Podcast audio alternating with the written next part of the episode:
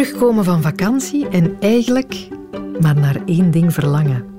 Je eigen bed, ja, zeker. En de zetel en de goudvis. Maar nog veel sterker verlangt de Belg op zo'n moment naar een goed pak friet. Kleintje met mayonaise en een frikandel speciaal. Besteld aan de toog van zo'n klein vettig barakje in de buurt. Dat, dat is thuiskomen. Wij hebben een unieke frietkotcultuur. Maar waar komen al die frietkoten vandaan? Ik ben Sophie Lemaire en dit is een snelle geschiedenis van het frietkot. Mmm, frietjes. Lekker en fijn en... Zoals zoveel uh, lekkere en fijne dingen uh, is het frietkraam geboren op de kermis. Dit is professor Yves Segers, professor rurale geschiedenis en coördinator van het Centrum Agrarische Geschiedenis van de KU Leuven. Hij weet alles over wat we eten en waarom we het eten. En het frietkot komt dus van op de kermis. Met zijn oliebollen en zijn pomme d'amours en zijn suikerspinnen.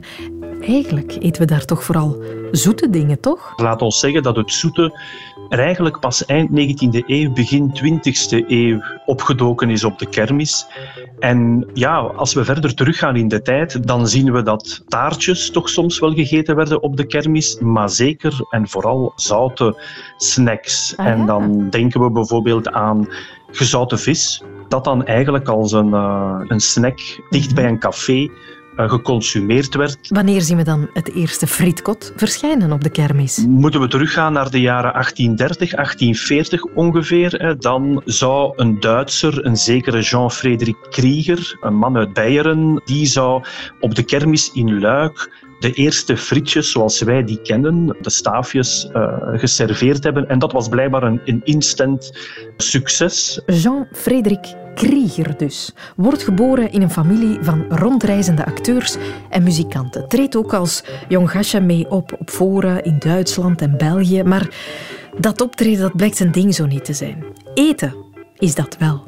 Zijn Griekse grootouders die hebben hem leren frituren. En dus besluit hij daar iets mee te doen. Gefrituurde aardappelstaafjes, waarom ook niet? Hij probeert het en de Belgen zijn er meteen zot van. Ze noemen hem al snel le roi des pommes de terre frites.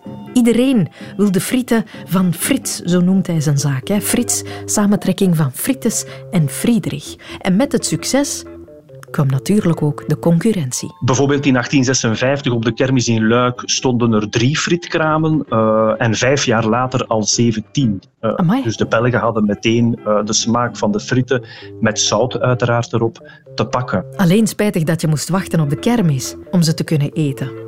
Daar had Le Roi des Pommes de Terre Frites natuurlijk ook over nagedacht. Dus begon hij met een aantal vaste frietzaken in Brussel, Gent, Antwerpen. En eigenlijk heeft hij dan eigenlijk een heel imperium eh, uitgebouwd, niet alleen in Brussel, eh, maar ook met meerdere vaste zaken en, en, en, en frietkramen is hij verschillende kermissen gaan doen en is eigenlijk het, het, eten van friet op straat door venders, leurders, is dat eigenlijk heel snel eh, ingeburgerd geraakt. Dus bij uw volgende frietkot-visite, denk nog eens terug aan Jean-Frederik Krieger, Frits, oftewel Le Roi des Pommes de Terre Frites.